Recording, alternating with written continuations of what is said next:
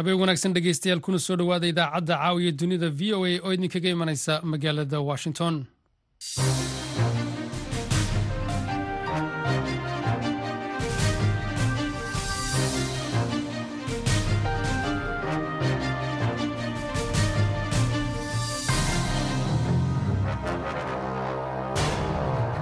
Waa fiidnimo salaasaa tobanka bisha tobnaad ee oktoobar ee sannadka laba kun iyo saddexiyo labaatanka waxaanaad naga dhegaysanaysaan mawjadaha gaaggaaban ee lix iyo tobankiyo sagaal iyo tobanka mitriban iyo bog aannu ku leenahay internetka v o a somali com. Saacadda afrikada bari haatan waa toddobadii fiidnimo idaacaddana waxaa idiin wadaa anigoo ah maxamed cabdi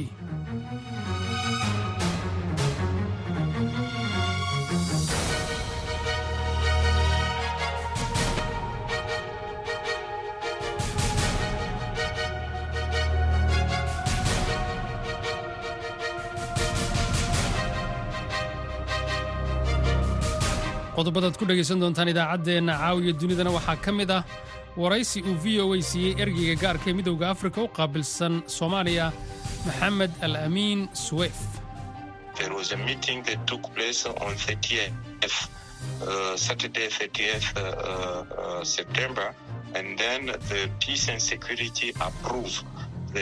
waxa uu yidhi waxaa jiray shir dhacay soddonkii sebteembar maalin sabti ah halkaasi oo golaha amniga iyo nabadda ee afrika uu ku ansixiyey dibudhigista saddexda bilood ah oo ah hakinta farsamada. Waxaad kaloo maqli doontaan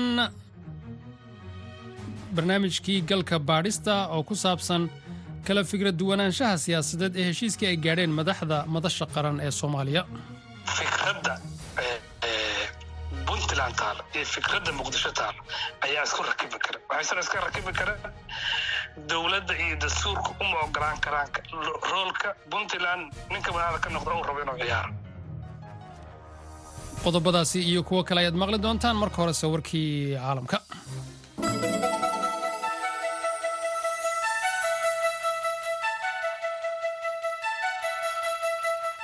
israa'iil ayaa sheegtay in ciidankeedu ay duqeeyeen boqolaal bartilmaameedya oo ku yaalla marinka khaza habeen hore.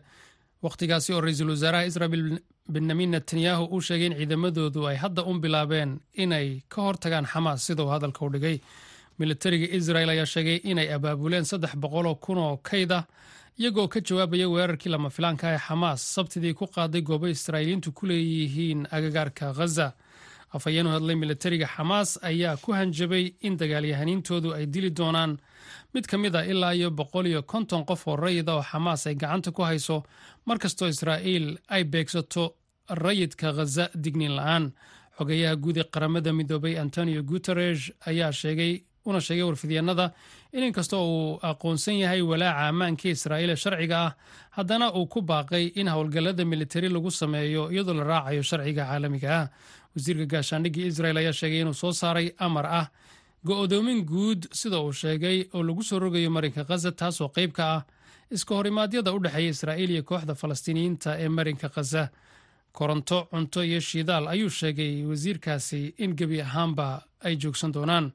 Israa'iil ayaa horey u maamulaysay hawada iyo xeebta khaza waxayna go'aamaysaa mugga iyo tayada badeecadda imanaya amaba ka baxaya marinka khaza sidoo kale dowladda masar ayaa gacanta ku haysa dhaqdhaqaaqa marin isku xidha masar iyo marinka khaza ururka taalibaan ee afghanistan ayaa beeniyey warar ku saabsan inay isku dayayaan inay ku biiraan dagaalyahamada xamaas kadib markii qoraal been abuur ah oo la soo dhigay barta x horena twitter loo odhan jiray lagu sheegay in kooxda reer afghanistan ay doonayso inay u safarto dhinacaas iyo bariga dhexe kuna biirto dagaalka ka socda marinka khaza qoraal la soo dhigay baraha bulshada ayaa sabtidii soo qoray in taalibaan ay la xidhiirtay iiraan ciraaq iyo jordan kana codsatay marin ay u sii maraan falastiin si ay ciidamo gurmida halkaasi ugu diraan.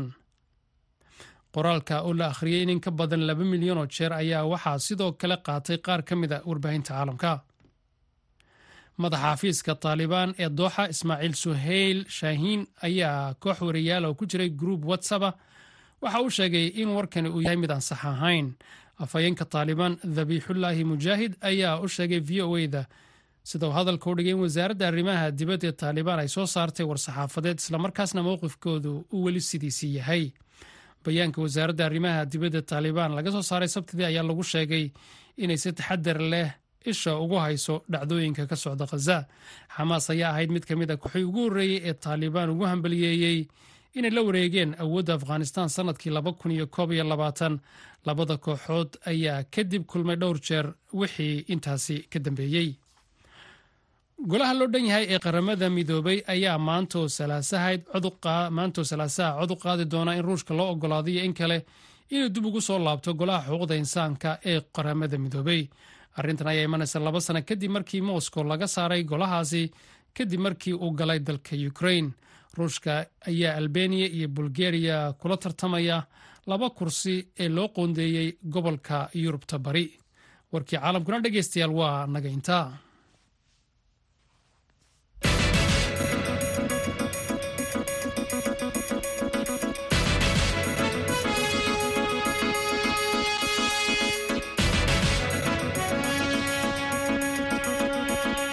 wanaagsan mar kale dhegeystayaal warkaasi kala socotaanna waa v o a washington. Ergey gaarka ee midowda afrika u qaabilsan soomaaliya maxamed alanamin suweyf ayaa xaqiijiyey in la hakiyey dhimista ciidamada midowda afrika ee soomaaliya. Kadib markii golaha amniga iyo nabadda midowda afrika uu oggolaaday codsigii ka yimid soomaaliya. Waraysi uu siiyey v o eda ayaa waxaa inoo soo koobaya haaruun macruuf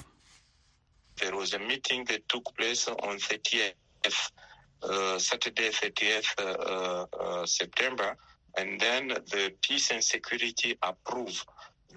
waxa uu yidhi waxaa jiray shir dhacay soddonkii sebteembar maalin sabti ah. Halkaasi oo golaha amniga iyo nabadda ee afrika uu ku ansixiyey dib u dhigista saddexda bilood ah oo ah hakinta farsamada. Kadibna waxaan si dhow ula shaqayn doonaa dowladda federaalka soomaaliya muddadaasi saddexda bilood ah wakhtiga la cayimayna waa la ixtiraami doonaa. Si wada jir ah ayaana u kaalmayn doonaa dowladda federaalka soomaaliya. Waxaan xaqiijin doonaa in dhimistu ay dhacdo bisha disembar madaxa howlgalka admis maxamed alamiin suweef waxaa kaloo aan weydiiyey in saddexda bilood ay tahay wax ku filan iyo in dowladda soomaaliya ay si waafi ah u qiimaysay xaaladda waddanka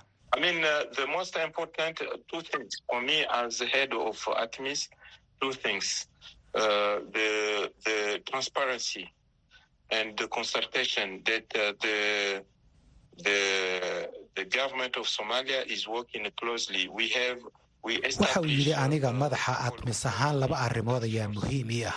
Daahfurnaan iyo wadatashi. Waxaan dhisnay laba guddi oo wada shaqayn ah. Waxaan leenahay guddi saddex geesood ah oo ay ku wada jiraan midowda afrika unsos oo ah hay'adda qaramada midoobey ee kaalmaynta admis iyo dowladda federaalka soomaaliya. Tan labaad waxaan leenahay guddi farsamo ah oo mas'uul ka ah qiimaynta wadajirka ah. Kadibna waxaan la tashanaa beesha caalamka. Waxaa muhiima waxa weeye waa iskaashi wadatashi iyo daahfurnaan iyo inaan si dhow ula shaqayno dowladda. Tan labaadna waa lahaanshaha hawsha. Maanta berri maalinta ka dambaysa maalin uun ayay admis baxayaan. Waddankanina waa waddan madax bannaan. Waa inay mas'uuliyaddooda qaataan maxamed alamiin suweef waxaan weydiiyey inay dowladda soomaaliya diyaar u tahay inay dhabarka u ridato mas'uuliyadda amniga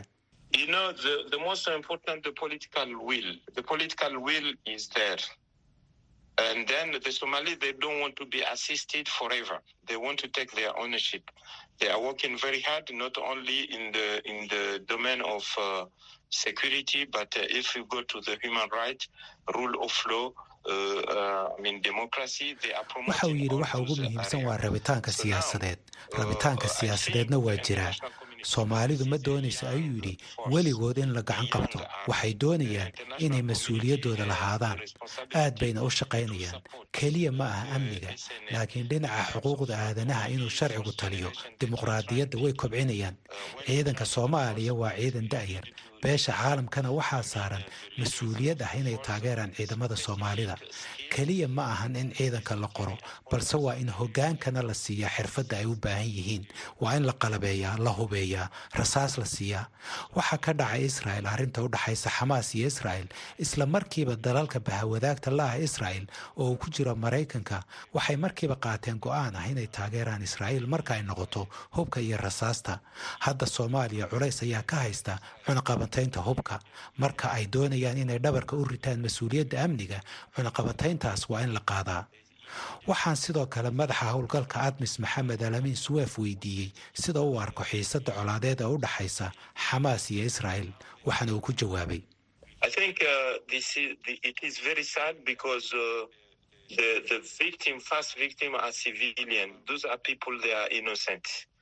And uh, I, we know that uh, Israel is a very strong, uh, strong country.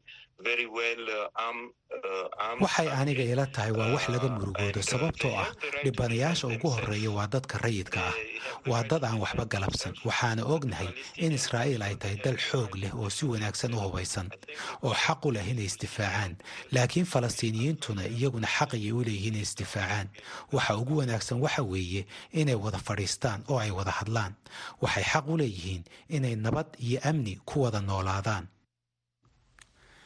kaasi wuxuu ahaa ergeyga gaarka ee qaramada midooda afrika u qaabilsan soomaaliya maxamed alaamiin suweef oo u warramayay waryahayga haaruun macruuf.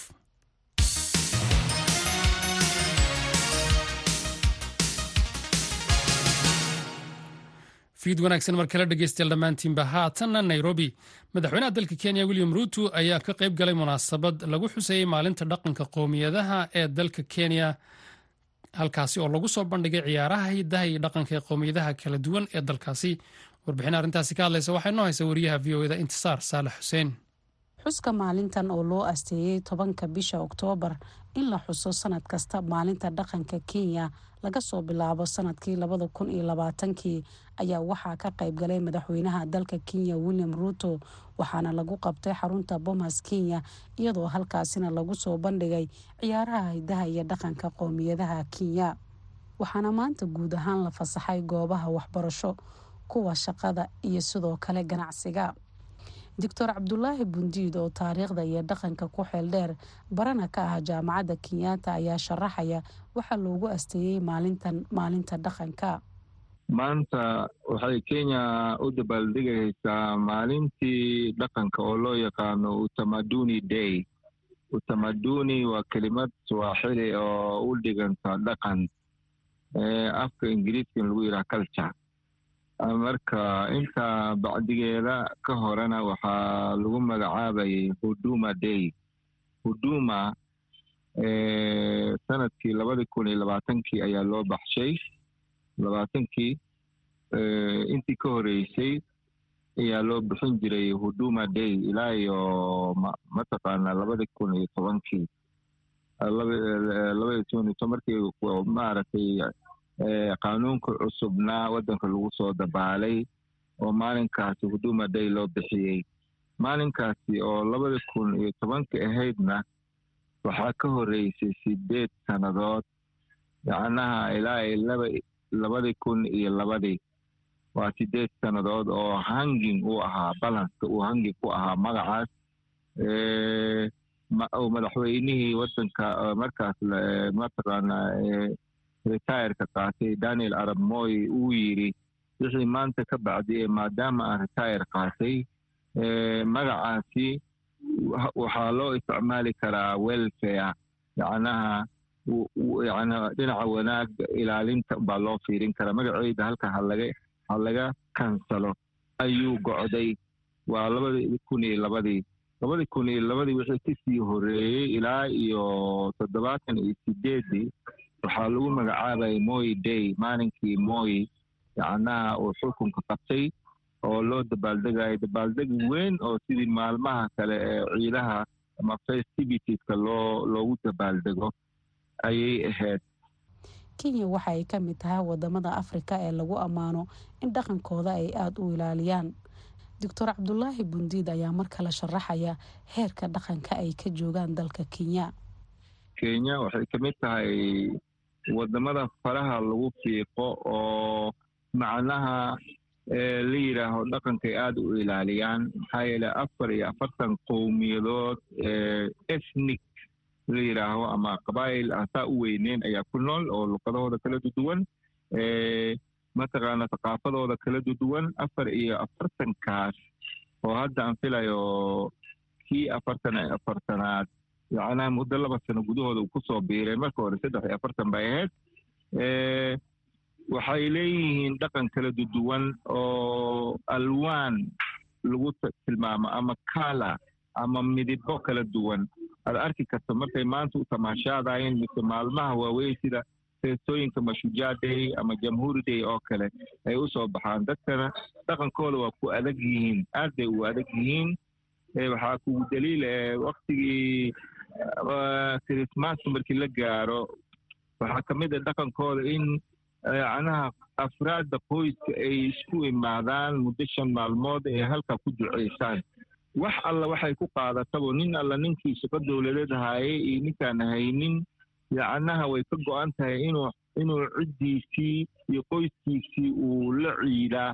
Way ka go'antay meel alla meeshuu jooga taasaa kugu daliilay in dhaqankooda ay ku adag yihiin xuskan ayaa horey loogu yaqaanay maalinta moy oo loogu magacdaray madaxweynihii labaad ee dalka kenya daniel arab moy waxaana loo bedelay dhowr sano kadib huduma day iyadoo sannadkii labada kun iyo labaatankiina laga dhigay utamaduni day oo loola jeedo maalinta dhaqanka.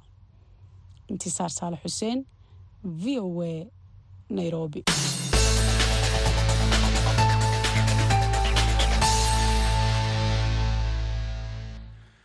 fiid wanaagsan mar kale dhegeystayaal dunida maanta waxaa laga xusayey maalinta caafimaadka dhimirka ee adduunka soomaaliya. Waxa ay ka mid tahay waddamada ay ugu badan yihiin xanuunada dhimirka dadka qabaa haddaba xaaladda xanuunka dhimirka iyo dadaalada socda ayaa waryahayga muqdisho cabdiqaadir maxamed cabdulle waxa uu ka wareystay doctor cabdiraxmaan cali cawaale xabeeb oo maamula xarunta xabeeb medical hosbital sida aad ka warayso waddankan soomaaliya waxaa loo aqoonsaday inuu yahay waddanka dadka ugu tirada badan ee ka xanuunsanaya maskaxda ama dhimirka ay ku nool yihiin. Soomaaliya. Yaa sameeya xogtaas. Xogtaas waxaa sameeyey united nationka united nationka ayaa sameeyey.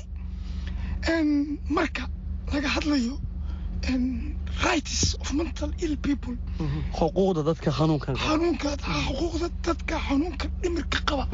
Wax uga horreeya kow inay helaan horta xuquuqdii dhaqdhaqaaqnimo inuu qofka dhaqdhaqaaqi karo inuu socon karo inuu jimicsan karo ma fahantay laakiin ka waran dukaankii geedadii lagu xiro silsilad adag lagu xiro gurigii fiiri jowhar waxaan kula kulmay wiil silsilada lagu xiray silsiladiya dhagax lagu soo xiray markaasaa god intaasoo mitri la qoday hal mitri bar ah dhagaxyaa lagu riday shamiitaa la soo qaaday iyo jaay markaasaa saab iyo shamiita lagu shubay fiiri. Kaaga sii daran silsiladaas godkeeta loo qoday ee dhagaxa lagu xiray lugta iyo gacanta ayay iskula xiran tahay lugta iyo gacanta. Lugta iyo gacanta isugu xiran tahay ma maqlaysaa? Marka waxay ka ordayaan inuusan baxsan uusan ka uusan ka furmin. Ha! Marka laga hadlaya xanuunkan dhimirka soomaaliya oo aad sheegtay inuu ku badan yahay soomaaliya ee mise xarumooda hadda xamar ku taalo hadda muqdisho waa laba xarumood labadaa xarun waxaa weeliya xarunta weyn ee kismaayo xarunta muqdisho misaa ku jirta hadda tirada? Tirada waxaa ku jirto isbitaalkana hadda aad booqanayso. Waxaa ku jirto laba boqol iyo lixdan iyo laba bukaan oo toddobaatan ay yihiin haween. Inta kalena rag ay yihiin. Tirada haweenku maxaa badiyey sanadkan? Toddobaatan haweena marka laba boqol loo eego lambar weyn waaye. Marka maxay ta xanuunka ugu badan qabaan maxaa ha baxdimaa cabdiqaadir hore aan kuugu sheegay? Soomaaliya waxaa loo aqoonsaday dadka ugu badan. Haweenka waxaa helay waxaa la yidhaaho triple b borty bosti partium psychosis. Waa xanuun dhimir yimaada dhalmada kadib. Kow gabadhii ugu dambaysay oo aan ku booqday baadiyaha doobley oo aad aragtay inay boodboodayso gabadhaasi runtii iyadoo saddex toban jir ah ayaa ninkeeda la siiyey. Kadib hadda laba cunug markay dhashay ayay xanuunsatay. Waxayna xanuunsatay markii ay dhashay cunugii ugu horreeyey laba maalmood kadib. Xanuunkaas wuu ku badan yahay dalkeenna. Borti bosti partium psychosis. Kadib ha laba ha ama waxay noqonay bosti partium depression oo qalbijab aamusnaan iyo ilin soconaysa ama tii maryam oo aad ku aragteen social media bosti partium psychosis oo ah cudurkii dhimirka way boodboodaysaa. waan gartay. Xanuunada dhimirka ee dadka haddaa la tacaalayso maxay u badan yihiin guud ahaan? Maxaa sababa xanuunka ugu badan dadka soo ritahay? Waa xanuuno noocaya precipitating factorka macnaha sababaha dhabta ah. Dadka nooc soomaaliyeed. Sababaha dhabta ah ee xanuunkaas keenay soomaaliya. Qof kasta way ku wareegsan yihiin. Oo dhammaanteen from top ilaa kan ugu yar. Waxaana horta riski guruubaan nahay. Khatar ayaan ugu jirnaa. Sababtoo ah draagiski meel kasta ayuu yaallaa qaad hadday noqoto xashiish hadduu noqdo hadduu noqdo kariinka tramadoolka tramadoolka cabduqaadir wax sahlan ma aha. Tramadool waa narcotic drug maxaad ku baaqaysaa sanadkan waxaa sheegtay in xanuunkii badanayo in dadku uu soo ridanayo in soomaaliya khatarta loogu jiro dhimirka uu badan yahay. Ugu dambeyn maxaa ku baaqi lahayd waxaan ku baaqi lahaa? Sida madaxweyne paul kagama ruanda genocida ka dhacay xasuuqa ka dhacay. Maxaad codsanaysaa markuu xogga ku guulaystay? Wuxuu yidhi mental health initiative.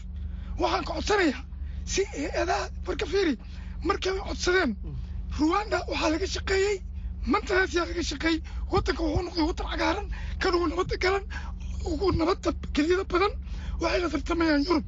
Waxaan ka codsanaa marka madaxweynaha prime ministerka guddoomiyaasha baarlamaanka inay ka hadlaan ay codsadaan mental healthy initiative campaign. Kaasi wuxuu ahaa doctor cabdiraxmaan cali cawaale. Doctor xabiib oo u warramayay wariyaha v o d magaalada muqdisho cabdiqaadir maxamed cabdulle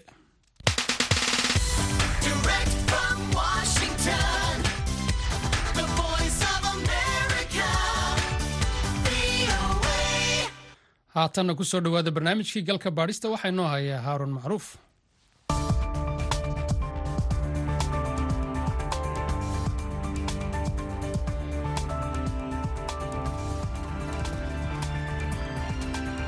Bishii may siddeed iyo labaatankeedii hogaamiyaasha madasha qaran waxay gaareen heshiis dib u qaabaynaya qaabdhismeedka hoggaanka waddanka islamarkaana doorasho qof iyo codax ka hirgelinaya gobollada waddanka waxay kaloo ku heshiiyeen in sannadka soo socda ay qabtaan doorashooyin toos ah lana mideeyo doorashooyinka heer maamul goboleed iyo kuwa federaalka. Waxay sidoo kale ku heshiiyeen in doorashooyinka shantii sannaba mar la qabto. Ayna u soo horreeyaan doorashooyinka golayaasha degaanka oo dhacaya soddonka bisha juun waxaana xigaya doorashooyinka baarlamaanka heer gobol iyo tan hoggaanka oo dhacaya soddonka bisha nofembar ee sannadka soo socda waxaa kale oo madaxda madasha qaran ay ku heshiiyeen in nidaamka hoggaanka waddanka laga dhigo madaxweyne iyo madaxweyne ku-xigeen halka uu haatan ka yahay nidaamka baarlamaaniga ah oo ah madaxweyne isna soo xula ra'iisul wasaare. Heshiiskan weli ma aysan ansixinin baarlamaanka federaalka soomaaliya waxaana markiiba ka hor yimid mucaaradad xooggan. Heshiiskan waxaa saxeexay afar ka mid ah maamul goboleedyada dalka oo kale ah jubbaland galmudug hirshabeelle iyo koonfur galbeed taasi oo ka dhigan in hoggaankooda ay isku diyaarinayaan doorasho dhacda sannad gudaheed. Dhinaca kale waxaa soo baxaya dhaqdhaqaaqyo siyaasadeed oo doonaya in doorashooyinka hoggaanka maamul goboleedyada la qabto wakhti ka horraysa soddonka nofembar waxayna dhaqdhaqaaqyadani socdaan xilli ay dalka ka jiraan howlgallo milatari oo ka dhan ah urka al-shabaab. Waxaana soo baxaya digniino ku saabsan in murannada siyaasadeed ay coryaamin karaan howlgallada milatari maxamuud sayid aadan waa madaxweyne ku-xigeenka maamul goboleedka jubbaland waa soo joogday soomaaliya muddo ugu filan dadka soomaalida aad iyo aad bay waxay ugu abaabulan yihiin arrimahan la yidhaahdo siyaasadda isqabqabsigeeda oo maaragtay qof kasta oo soomaali ah askarigii ninkii degmo joogay ninkii shaqaalo ahaa kii xildhibaan ahaa kii siyaasi ahaa qof walba uu leeyahay waxaan ahay siyaasi weydiya bara bulsho oo maaragtay waayadan dambe nagu soo biiray oo si khaldan ayagana loo abaabulay. Waddada xilkasahaynna ay ku maalgeliyeen dadka oo ayagana maaragtay baraha bulshada loo bixiyo taagan. Marka dadka waddan waxaad moodaa inay wax walba tay dhinac dhigeen. Ay taba adduun oo dhan ka soo qaadeen in laisqabqabsaday inay siyaasadda wax walba ay tahay. Iyada adduunyada aad maantaba joogtaan ood ku nooshaday maanta maraykan baad joogtaa hilaadaha dawliga ah iyo siyaasadda ay kala saarantaho hilaadaha dawliga oo institutionska shaqeeyo. Waxaa la yidhaha civil servantiga agaasimaha guud laga soo bilaabo inta ka hooseyso ay ayaga ku mashquulsan yihiin howlihii adeega bulshada iyo dowladnimada sida socon lahayd dadka siyaasiyiinta iyo xisbiyada mucaaradkan ay siyaasadda isku daliilaan oo isku cayrsadaan oo kala qaataan. Marka dadkii ma kala beedsano qof walba wuxuu mashquul ku yahay uu arkayaa in maaragtay siyaasadii wixii socday hebelaa xil helay iyo hebel hawaayay iyo hebel halaba soqabay hebel reer hebel baa maqan iyo reer hebel baa ku jiro ayay dadka oo dhan maaragtay wakti gelinayaan marka mar hadday ummadii wixii u kala qaybsanayn haddee dagaalankii khawaarijta khatarta ah iyo horumarintii amniga iyo adiga kale bulshada loo hayay intoo dhan waa horyaamayaan marka sidaas ayaan u yiri waa in lakala horta la helaa ummaddu basel inay kala saarto doorashada iyo waajiraadyada kale oo howlmaalmeedka soconaya arrinta ku saabsan in la mideeyo in doorashooyinka la qabto sanadka soo socda dhinacyo badan oo siyaasadeed baa diiday waad la socotaa mucaarad ay ku jiraan. Dad siyaasiyiinoo madax bannaan mucaarad ahayn maamul goboleedka puntland oo aan qayb ka ahayn wadahadaladii ugu dambeeyey ee madasha qaran. Marka seed u aragtaa mucaaradadaas ka hor timid.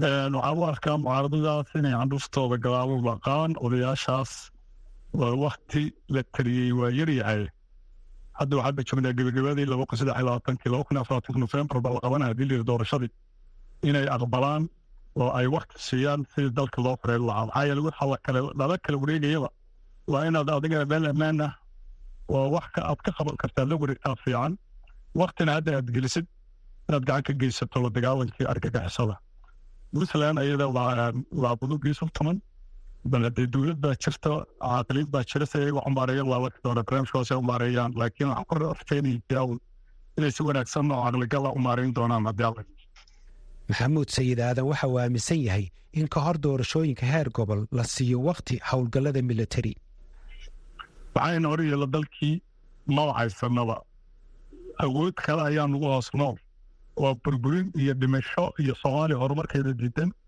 iyo abaabulan oo ilmihii yaryaraa oo soo korayay intay qoraan oo isu maaragtay tababaro geeyaan oo maxadi geeyaan oo maskaxda waxa ugu shubaan ku qanaacinaya inay dalkoodii dadkooda qarbadaan marka in horta tan wakti la siiyo oo waxaan ku talin lahaa laba kun afar labaatanka meel ma jirto dalkana doorashadiisa daysta oo socon noqto state mar la qabto kii kale maayaanta belihii dambe la qabto kii kale daa walba waxaa lagu mashquulsanaanayaa siyaasadii marka haddii laba hal marba haddaan laga wada dhigi karin soomaaliya oo dhanba doorashada heer iyo heer state bal hadda arrintan la go'aamiyo oo ah inay istijadan hal mar noqoto federaalkan uu hal mar noqdo waa tala fiican maxaa yeelay waxaa loo helayaa wakti lagu horumariyo amnigii iyo aadihii kale marka waa tan ciidamadii admasna ay mar walba miiska saaran yihiin oo baxayaan dadkii nagu kaalmeynayay inay ku daareen ayagana ay wakti dheer qaateen marka waxaanu joognaa oktoobar ilaa nofembar laba kun afar labaatanka inaan wakti gelino qof walba uu isu xilqaamo amnigii dalka si wax looga qaban lahaa aqligiisa iyo garashadiisa iyo xoolihiisa ugu qoro. Marka dal laga xor ah oo khawaarijda laga xoreeyey oo ammaan ah in marka doorashadii ay timaado laba kun afar iyo labaatanka intan ninkii bal in dhinacaaba loo dhaqaaqo oo qowaanadii la aado oo dadka aan hadda talada haynin oo deegaya in dhinacba loo dhaqaaqo wixii arki jireen uu raadinaya in lagu soo celceliyo inay jaaris siiyaan taladii meelasha ka soo baxday taasaan ku talin lahaa waxaa heshiiskan ka soo hor jeestay maamul goboleedka puntland oo aan ka qayb gelin kulamadii ugu dambeeyey ee wadahadallada madaxda madasha qaran siyaasiyiinta ka soo hor jeestay heshiiska siyaasadeed waxaa kale oo ka mid ah siyaasiyiin madax bannaan oo uu ka mid yahay daahir maxamuud geelle oo hore ugu tartamay madaxtinimada soomaaliya sidoo kalena laba jeer hore u soo noqday wasiirka warfaafinta soomaaliya. Aniga waxaan ka mid ahay dadka soomaaliyeed oo aan yarayna qabo nidaamka baarlamaaniga ama nidaamka madaxweynihii ra'iisul wasaare soomaaliya ku soo caaramaashay soomaaliya lixdanka waxay ku dhisatay laba nin oo isku garab taagan oo madaxweynihii ra'iisul wasaaraha kun iyo sagaashankana waxay dib ugu laabatay labadii oo sidoo kale isu garab taagan. Maantana labadii baa isgarab taagan oo madaxweynihii ra'iisul wasaare waddada sideen oo kale oo dagaalada sokay ka soo baxayo oo ka dhexlayo shaki iyo isaamin darana waxaa fiican in xukunka uu baahsan yahay oo laisla leeyahay. Dadku xukunka inuu aad u wardo oo waxqabad badan uu sameeyo waxay ka jecel yihiin inuu isla socdo aanu kala goyin marka waxaan is leeyahay kalsoonida dadka soomaalidu ay ku qabi karaan nidaam madaxtooye ah oo awooddu ay halgacan ku aruursan tahay inay aad iyo aad u yar tahay. Waa arrin baarlamaanka la horgeyn doono laakiin yaalka soomaalida iyo duruufta dagaal sokay marka laga soo baxo dastuurkeena markaas fiiriso dasaatiirta qaar marka lagu qoraa waxay ka duuleysaa mustaqbal rajo iyo diila bay ka duuraysaa qaarna waxaa ka muuqdo shaki iyo isaamin daro iyo qof la arko qodob uu is leeyahay hadhow wax baas jeclin kartaa ama gruub ama deegaan kasto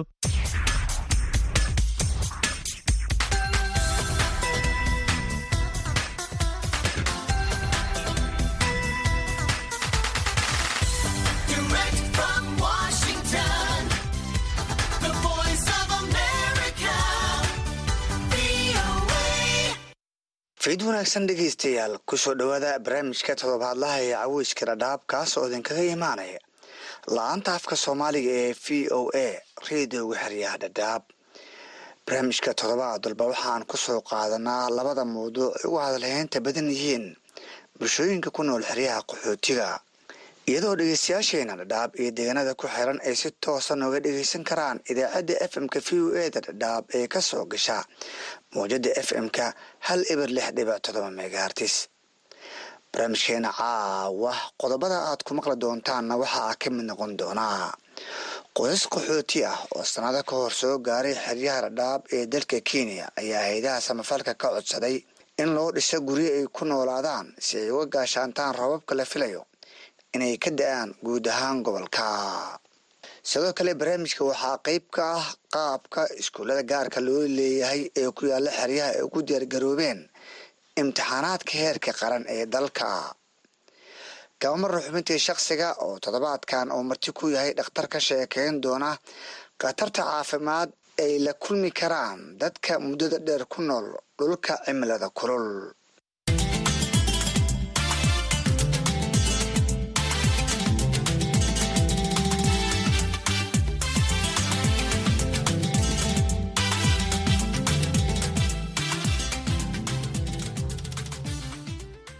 barnaamijka waxaa idinla socodsiinayaa anigoo ah cabdisalaan axmed. Labadii sane ee la soo dhaafay xeryaha dhadhaab ee dalka kenya waxaa soo gaarayay kumanaan qaxooti ah oo ka kooban beeraley iyo xoolo dhaqato badankood ka soo barakacay gobollada gedo jibbooyinka bay iyo bakool barakacayaashan u xuubsiibtay qaxootiga ayaa iyagoo naladoon ah ka soo gudbay xadka ay wadaagaan labada dal kuwaas oo rajo ka qabay inay gargaarka samafalka ah ay uga kaban doonaan daalka ay ka dhaxleen. Abaartii ku qasabtay inay soo galaan xeryaha dhadhaab ee dalka kenya. Haddaba sanado badan kadib qaxootigaasi qaarkiis ma helin guryo iyo deegaano ay saldhigtaan ayagoo ku nool xaalad guryo la'aan ah iyo culaysyo kale oo dhinaca nolosha ah. Aamina cali isaaq waa hooyo beeraaley ah oo ka soo barakacday deegaanka nasduniya ee gobolka jubbada dhexe.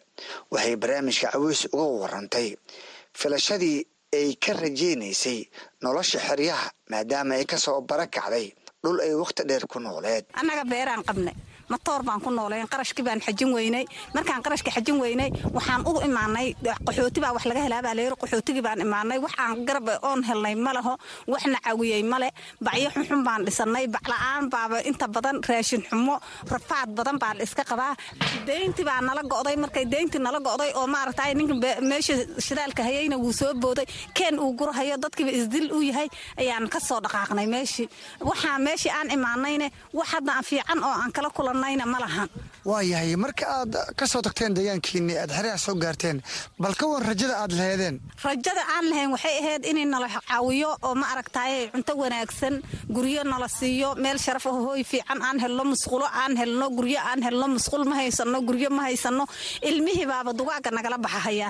Ma aragtaaye waxaa kale oo jirtaa oo dhibaato ahoo fara badan. Roob baa maanta na kortaagan roobkan maanta yoonkan ee na kortaagan bacaan ka galnaba ma qabno.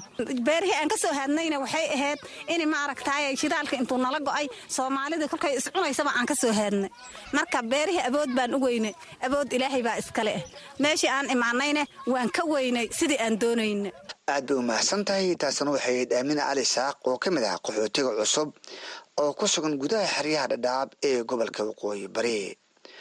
Qaxootigan cusub ee aan haysan guryo ay ka galaan kaliisha cadceedda iyo dabaylaha ka dhacaya xeryaha waxaa ka mid ah farxiye cabdi xasan oo ah hooyo umul ah oo dhashay saddex habeen ka hor marka laga tago cuntoxumada iyo daryeel-la-aanta ay hooyadan ku nooshahay waxay ka wawalsan tahay hooyla-aanta ay joogto.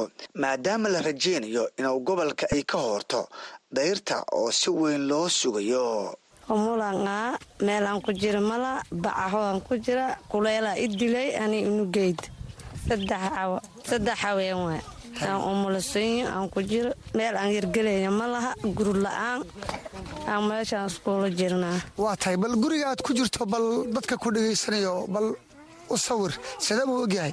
Guri maano oo calgaroob la guro waay oo calgaroobkana aas xunbushoobe aas dudumi. Maxaa saaran marka calgaroobka bacaa saaran. Bacoo saaran bacdina waa gugo'day haddana roob baan soo hayaa meelaan galayna ma laha. Waa tahay waxaad ii sheegtay in dabcan ariri dhinaca nolosha aad dareemayso hooyo umul aad tahay bal ka waran raashinka iyo cuntooyinka aad haysataan. Raashiin ma haysano mawrdule waay mawrdadu waa naga go'day mar dhowna raashiin ma qaadanan waxaan dib saaranayn ma laha. Waxaan haasano ma laha. Inaan caawasiin oo waxna siisiin aan u baahannahay. Mawrdule noola siiyay. Mawrdadiidaa naga dhammaatay wax dib aan saaranayna ma laha. Meel jiko oo waxaan ku karsanayna ma laha. Rooba daamaara rafaas xariir aan ku jirnaa.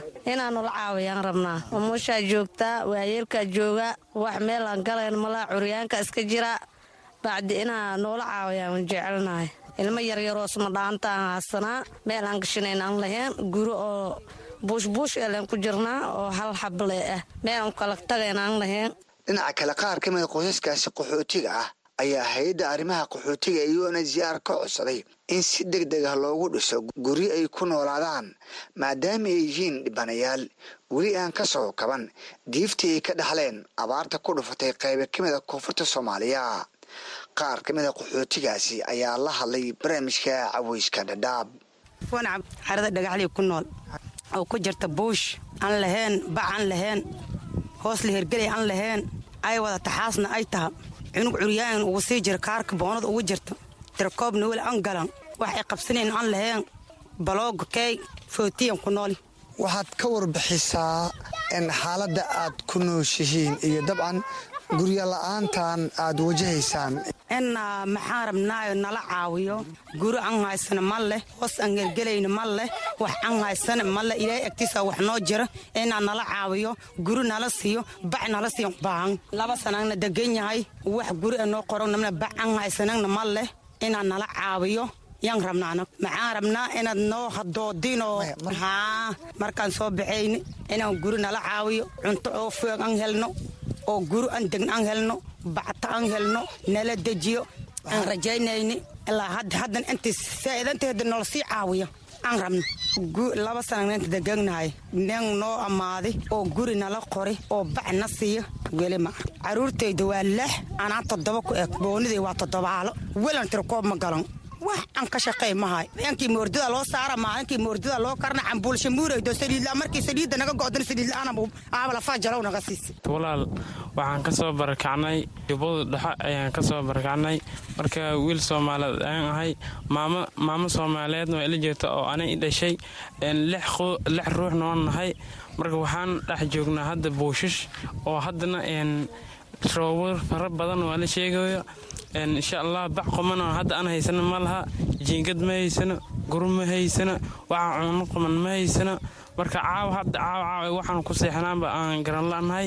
Insha allah waxaan rabaa un s r inayna caawisaan u baahannahay xaggan markaan aan ka soo wada kacayna maxaan u soo kacnay in micnaha hamikal nagu jiro oo nolol fiican in aan ka heli doono un insha allah marka haddana ilaahaan ka rajaynayna ilaahay baa mahad iyo guul iskale ilaahayna waxaan ka rajaynaynaa insha allah inuu nolol fiican inuuna siiyo guriga aan ku jirno waa guri hoore ah hooreegiga naftirkiisa geedo qubanna aan ku jirin bac yar oo khafiif ayada iska ah hadda iska saaran.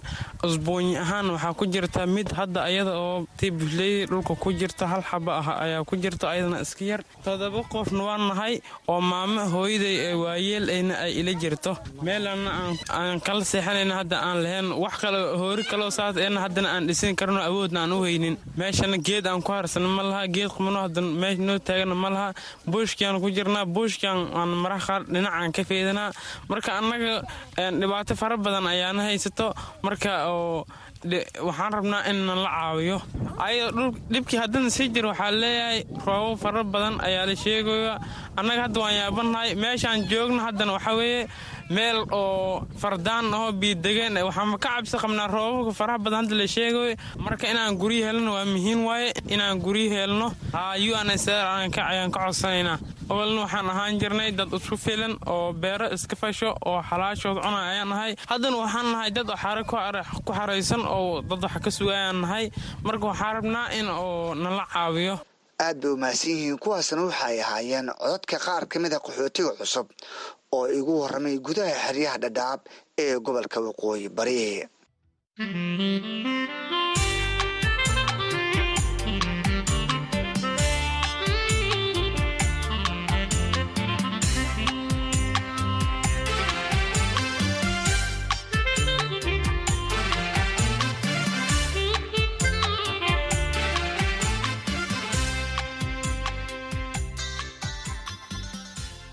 waa hagaag. Dhegaystayaal waxaan soo gaarnay qaybihii dhexe ee barnaamijka caweyska oo si toosa idinkaga imaanaya la'aanta afka soomaaliga ee v o a. Waxaa idinku soo maqan xirmooyin kale oo xiise leh ee ku aadan isla wararka qaxootiga balse iminka idinku wareejiyo saaxiibkay axmed cabdulaahi jaamac oo istuudiyaha igula sugan si uu nagu soo tabiyo barnaamijka qaybihiisa kale. Mahadsanid cabdisalaan dhegaystayaal waxaad nagala socotaan barnaamijka caweyska dhadhaab. Oo aad ka dhegaysanaysaan laanta afka soomaaliga ee idaacadda v o a. Waxaanuu barnaamijku si toosa idinkaga imanayaa xeryaha dhadhaab ee gobolka waqooyi bari ee kenya magacaygu waa axmed cabdulaahi jaamac. Ku soo dhowaada warbixinno kale oo la xidhiira nolosha dadka ku nool xeryaha qaxootiga oo qayb ka ah barnaamijka caweyska dhadhaab ee toddobaadkan. Waxaa ka mid a qodobada aad ku maqli doontaan xubintii shakhsiga oo toddobaadkan uu marti noogu yahay axmed mukhtaar mahad gudoomiyaha iskuulaadka gaarka loo leeyahay ee xerada xagardheer oo aan ka waraystay uu diyaargarowga loogu jiro imtixaanka qaran ee dugsiyada sare iyo dhexe iyo kaalinta ay iskuulaadka gaarka loo leeyahay ku leeyihiin waxbarashada da'yarta ku nool xeryaha qaxootiga. Waxaad kale oo maqli doontaan dhakhtar ka hadlaya saamaynta caafimaad ee ka dhalan karta cimilada oo aad u kululaata iyo sida looga gaashaaman karo waxyeelada ka dhalan karta. Haddii aan ku bilaabo dhegaystayaal xubinta shakhsiga ardayda iyo iskuullada guud ahaan dalkan kenya oo ay ku jiraan kuwa xeryaha qaxootigu ayaa isu diyaarinaya imtixaanaadka qaran ee dugsiyada sare iyo dhexe oo dhowaan bilaaban doona. Axmed mukhtaar mahad guddoomiyaha iskuulaadka gaarka loo leeyahay ee xerada xagardheer ayaan ka waraystay sida ay iskuullada iyo ardada xeryuhu isugu diyaariyeen ka qaybgalka imtixaanka iyo kaalinta ay iskuulaadka gaarka loo leeyahay kaga jiraan waxbarashada xeryaha qaxootiga. Waxaana axmed waraysiga ku bilaabayaa tirada iskuullada uu guddoomiyaha u yahay ee ku yaalla xerada xagardheer. Iskuullada xagardheer hadda ku yaalaan oo faafi ka hoos imaada khaasatan iskuullada gaarka loo leeyahay waxaa ka mid ah waa isku dhex jiraanoo waxaa waaye secondary schools iyo primary schools. Secondaryga haddaan kuu sheego waa toban iskuul oo hadda u fadhiisan rabto imtixaanka qaranka k c c loogu macdaray. Primarygana waxaa waaye labaatan iyo sideed iskuul oo primary ah oo gaar loo leeyahay. Tiradooda markii la isku daran waxaa waaye soddon iyo sideed kaalin noocee ah ayay iskuulaadka gaarka loo leeyahay kaga jiraan waxbarashada xerada qaxootiga xaga dheer run ahaantii waxbarashada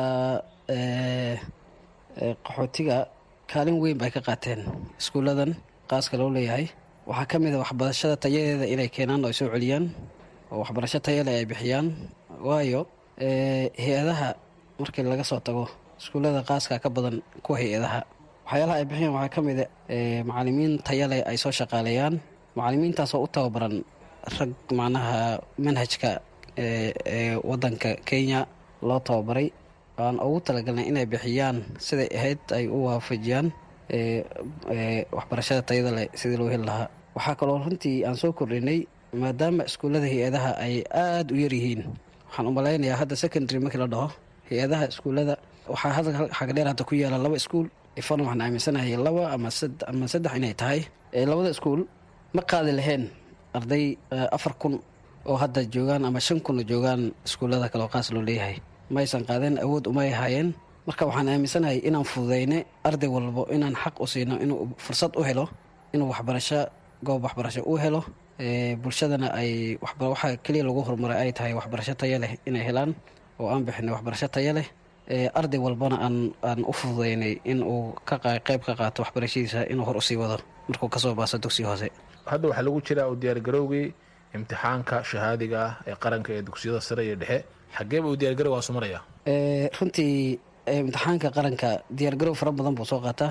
Ugu yaraan ardayga markuu fooman yahay iyo dadaalkiisa aan bilownaa waxaan ku qasabnaa arday walba fooman ah in uu bogo syllabus coverage waxa loo manhajka qeyb baa loo bartaa. Sanadkiiba level walba class walba waxaa waxana wuxuu leeyahay meel la bogo oo buwaag la bogo ardayga markuu fooman imaanaya waxaan u diyaar garownaa in buwaagta asaga eh wakhtiga loogu talagalay in la bogo. Macalinka u tababaranna uu wakhti geliyo juhdi geliyo. Waxaan kaloo sameynaa ardayga revision fara badan ama muraajaco fara badan in wakhti hore intii loo bogo buwaagta muraajaco dheer loo sameeyo. Hadday tahay maadooyinka kala duwan sida xisaabaadka ingiriiska syniska macnaha chemistryga biologyga practical waxa lalahay baa jira oo extra time la bixiyo. Marka habeen iyo maalin macalimiinta waxay u taagan yihiin in ay diyaariyaan oo ay dhisaan cunuga asaga eh wakhtigii imtixaanka intii la gaarin uu u diyaargaroobo si uu buundadiisa ay u wanaagsanaato marka sida ku sheegay diyaargarow fara badan baan sameynaa. Annagoo macnaha ku lifaaqayno wakhtiga aan haysanno iyo tayadii macalimiinta aan haysanno inaan wakhti badan ardayda aan gelino oo aan diyaarino si aan macnaha u soo saarno arday taya leh mustaqbalkiisana isanfaca tirada sanadkan u sharaxan inay u fadhiisato imtixaanka dugsiga sare iyo dugsiyada hoose ee xerada qaxootiga xagar dheer waa imisa? Sidaan kuu sheegay iskuullada private qaaska loo leeyahay waa soddon iyo sideed iskuol markii la qiyaaso qiyaas laga soo qabto ardayda hadda ay u fadhiisanayaan imtixaanka dugsiga hoose ka dhexe iyo midka sareba ugu yaraan waxay gaarayaan laba kun oo arday oo hadda sanadkan u fadhiisan doona oo anigoo ka hadlaya xagadheere macnaha iskuullada xagadheere ku yaalla qaas loo leeyahay. Natiijo noocee ah ayaa laga filanayaa axmedow imtixaankan hadda laysu diyaarinayo? Waxaan umalaynayaa sanadkan sanadihii hore inay ka sii wanaagsana doonto oo aan rajaynayno tayo fiican oo maaragtay arday walba tayadiisa inuu heli doono. Oo aan rajaynayno in aan hogaamino insha allahu tacaala hadduu ilaahay idmo inaan horseed u noqono garza county iyo qeyb weyn aan ka soo qaadano wadanka qeyb weyn inay ka galaan ardayda maalkakan joogaan insha allah. Waxaa kale oo la sameynayaa oo imtixaan ka mid a dugsiga hoose ama c b c oo ardaydu ay fasalka lixaad imtixaan qaran ku sameynayaan si ay u aadaan marxaladda labaad ee dugsiga isla dugsigii dhexe. Marka bal imtixaankana iga waran isaga ahmiyadda uu leeyahay iyo wuxuu kaga duwan yahay ka kale ee k c b ee dugsiga dhexe looga baxayo saad og tahay axmed waxbarashada c b c wadanku isbedelay waxaa loo guurayaa system ahaa oo laga guurayaa hadda eight for four system oo ahaa eight primary iyo afar sano oo secondaryga la akhrisanayo dugsiga sare iyo afar sano oo jaamacada hadda waxaa loo guuray c b c wax la dhaho systemka cusub oo hadda la keenay oo grade six cunuga uu ku noqonayo junior secondary iyo grade seven meeshii class eight iyo form one uu ku akhrisanayo iyo form two iyo form three uu ku noqonayo senior secondary. Saad og tahay way ku kala duwan yihiin waxyaalo badan bay ku kala duwan yihiin c b c gan. C b c ga waxaa kii hore wuxuu ka mid ahaa arday loo diyaariyo imtixaan bis ah. Yacni ma leheen skill laakiin midka asaga waxawaaye competency based curriculum laha ardayga xirfadiisa ku jirta qarsoon ayuu soo saarayaa haddii ay tahay xirfad xagga horumarka cunuga inuu ka gaaro banooniga oo kale ama sportska oo kale ciyaaraha arday waxaa jira macnaha competence u leh ama xirfad u leh hibo u leh inay ka gaaraan engineering oo kale. Injineernimadaasna macnaha waa cunuga si gooni baa loo tababaraya markuu senior secondary gaaro oo maadooyinka ku takhasuseen buu qaadanaya. Soo ardayga macnaha macnaheeda waxaa waaye ardayga waxaa loo tababarayaa xirfadda uu asaga ku jirto oo taalenta ah uu ku leeyahay ayuu uu horumarin siinayaa. Aad buu muhiim u yahay systemkana maxaa waye ardayda hadda aad buu systemka ugu yahay muhiim taasoo macnaha u soo kordhinayso inuu ka faa'iidaysto xirfadda ku qarsooneed cunuga inuu bannaanka u soo saaro. Ugu dambeyntii axmedow ardayga ama ardayda qeybaha kala duwan ee u fadhiisanaysa imtixaanka dugsiga hoose dhexe iyo sare maxaa looga baahan yahay? Maxaa la gudboon ardaygaas inuu sameeyo? Ardayga sidiisa waxaa loo baahan yahay inuu juhdi bixiyo. Arday juhdi bixinin imtixaankiisa resultigiisa ma muuqanayso. Ardayga waa inuu isdiyaariyaa waa inuu waqti bixiyaa waqtiga loogu talagal iskuulka inuu imaado. Inuu asaga iswado waxbarashada qasab ma ahan waa in asaga macnaha rabitaan uu ku imaado iskuulka markuu imaanayo rabitaankiisa cunuga in macnaha uu ku imaado uu noqdo arday asaga iswado u horseeda oo hiigsanaya meel dheer inuu ka gaaro waxbarashadiisa. Ardayga imtixaanka u fadhiyo waxyaala badan baa looga baahanya inuu iska ilaaliyo.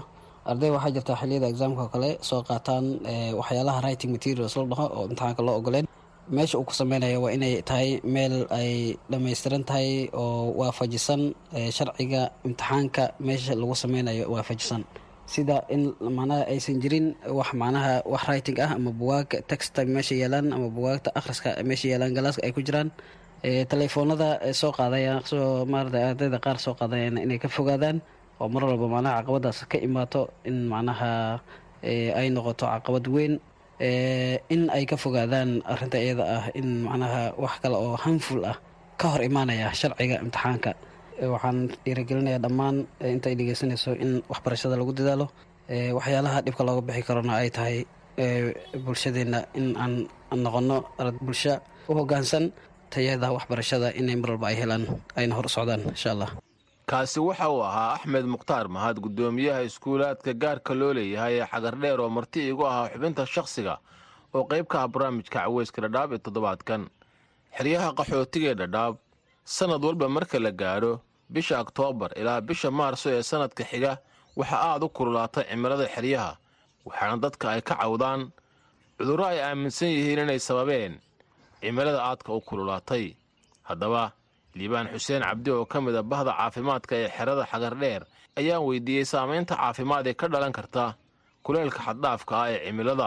Kuleylkaas aadka u badan qofka aragti ahaan indhihiisii baa yaraanayo oo aragtidii baa yaraanayso xasuustii baa ku yaraanayso dhikar buu ka qaadi karaa bresharkiisa zaa'id kori karaa. Waxay leedahay cimilada qofkaas waxay ku keeni kartaa inuu noloshiisa xataa ay ku keento inuu xataa habeenkii hurdada ku yaraato si jirkiisii maalinta dhan kuleylkaas ku dhacayo saamayn badan bay ku neemayn kartaa in noloshiisa ay ku yeelato. Kuleylkaas waxyaala badan buu keeni karaa qofka lugaha huri karaa cirba baa ku dhici karaa kaadida gubi kartaa. Sometimes qofkaas habeenkii wixii maalintii dhan meeshii ku dhacay habeenkii haddana hadduu sii jiifto kuleyl badan ay ku imaanaysaa jirkiisa xataa inuu qofka stroog noqdo xataa waa sababahaas sababi kara xataa liibaan oo goob caafimaad ku leh xerada xagardheer ayaa ka hadlaya xanuunnada ay dadku ka cawdaan xilliyada ay cadceeddu aadka u kulushahay waxyaalahay dadka ay ka cawdaan waxaa ka mid a qofka inuu madax wareer badan uu bilaabaa uu dhaha madaxa ay xanuunaya maanta dha daawo isticmaalayo inuu qofkii ka cabanayo in jirkii kululaanayo uu maanta dha isku daya inuu wax qabow raaso wixiina ay noloshiisa anficaynin. Jismi ahaan hadhow qofka noloshiisa hadhow dhib badan bay ku keenaysaa. Wallaahi xanuun badan baa ka dhalan karo. Qofka waxaa ka dhalan karo inuu jismigiisii uu isbedelo oo maanta dha uu baahdo inuu qowowga isticmaalaa. Waxaa ka dhalan karo qofkii inuu quman ka qaado. Waxaa ka qaadi karaa karastroolka keeni karo. Qofku wax kulul buu isticmaala haddana cuntuu cunin. Saliiddii baa marka hal meel wada fadhiisanaysa. Haddaba maxay tahay inuu sameeyo?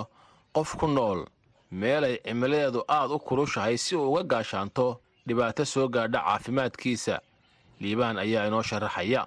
Qofku inuu qoraxda iska ilaaliyo uu nastaa qoraxda markay soo baxdo sababta qoraxda ku socota waa dhididi waa madaxa ku wareerin waa neeftuurin wadnaha ku garaacmin wadna xanuun badan baa kaaga dhalan karaa cimilada aaday u kulushahay. Inta badanna cimilada kul dadka neefay ka qaadaan waxyaalaha neefta keena waxaa waaye naqasaa kugu dhegaayo kulaylkii hadhow adigana wax qabow aad cabi wixii qabow haddana feerihi limonia kaaga dhejin. Marka inaad iska ilaaliso waqtiyada kulaylka inaad xoogaa yara nasato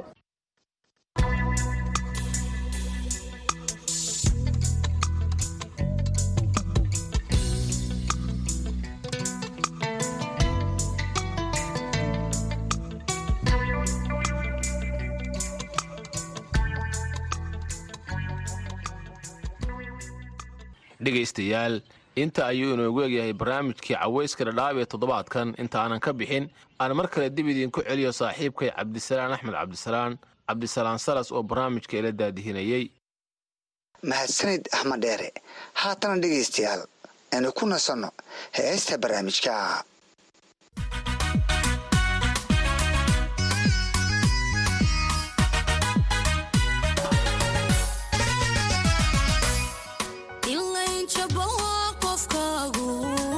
markuu ka jiro dhuldheere